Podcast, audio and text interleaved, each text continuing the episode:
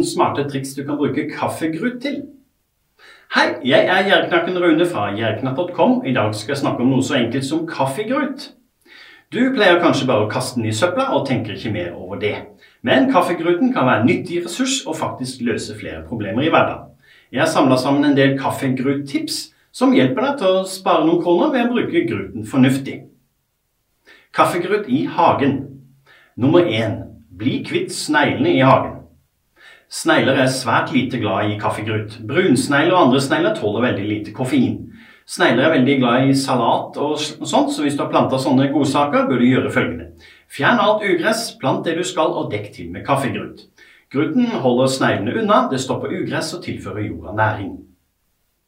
Nummer to, bruk kaffegrut i komposten. Dersom du har egen kompostbinge, passer det utmerket å blande inn kaffegrut for å fremskynde komposteringsprosessen, som igjen gir god jord senere, vet du.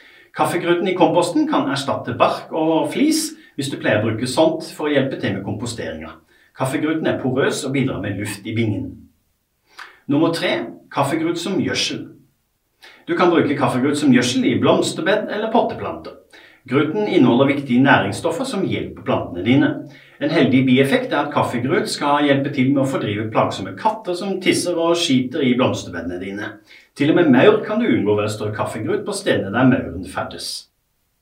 Fagfolk er ikke akkurat enige om kaffegrut er bra som gjødsel, men dersom du har sur jord, eh, sur jord vil iallfall gruten bidra til å opprettholde lav pH-verdi, noe som er gunstig for planter som trenger sur jord. Kaffegrut som kroppspleie. Nummer fire lag din egen peeling. Peelingkremer er dyre greier. Mange produkter bruker kaffe, så da er det vel ikke noe hokus pokus at du sjøl kan bruke din egen kaffegrut. Fordelen med kaffegrut er at den inneholder en del olje, og dermed både smører og skrubber kroppen samtidig. Skru av dusjen mens du skrubber deg med gruten.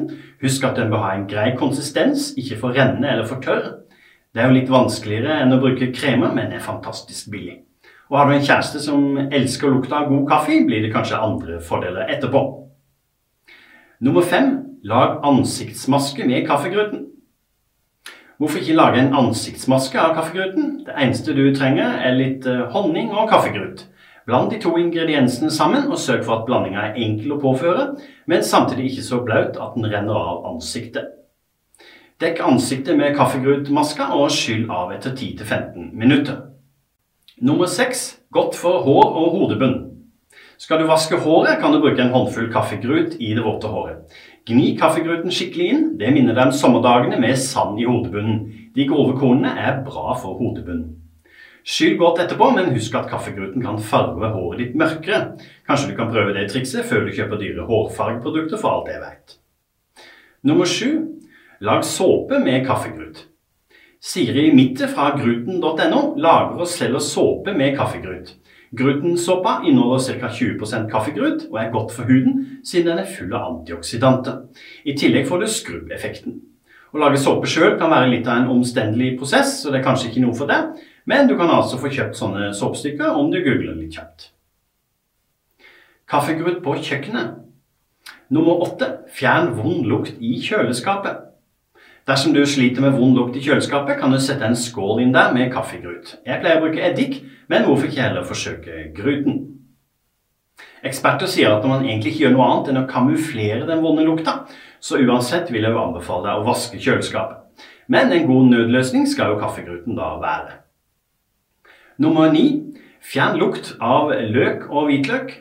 Dette bruker jeg ofte sjøl. Dersom du er aktiv på kjøkkenet og skjærer løk og hvitløk, vet du sikkert at lukta sitter i hendene ganske lenge etterpå, selv om du vasker hendene for harde livet. Gni hendene inn med kaffegrut, så forsvinner lukta. Nummer ti lag østerssopp sjøl. Kaffegrut er kjekt å bruke til soppdyrking, faktisk. Dessverre er ikke det så enkelt at du bare trenger å la muggen formere seg. Du må importere soppsporer for å starte opp. Men for deg som er svært så miljøbevisst og vil ha østerssopp som er skikkelig kortreist, så anbefaler jeg å følge Siri på Facebook. Hun arrangerer soppdyrkingskurs med ujevne mellomrom. Sjekk den lenka som du finner der.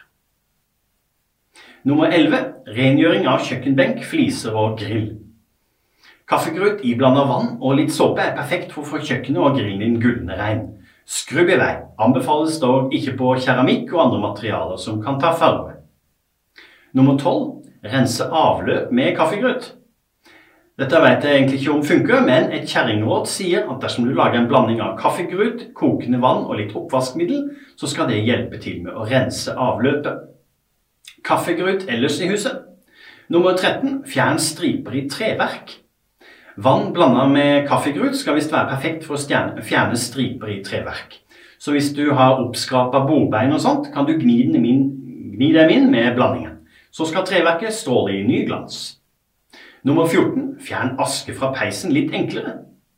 Strør du litt fuktig kaffegrut over aska, blir det mye enklere å gjøre rent i peisen eller ovnen din. Da unngår du også askestøv over hele stua. Nummer 15. Lag dine egne lys med kaffeduft. Mange sverger til kaffekos kombinert med en god bok og litt levende lys. Men er du litt handy, kan du lage egne kaffelys med gamle stearinrester.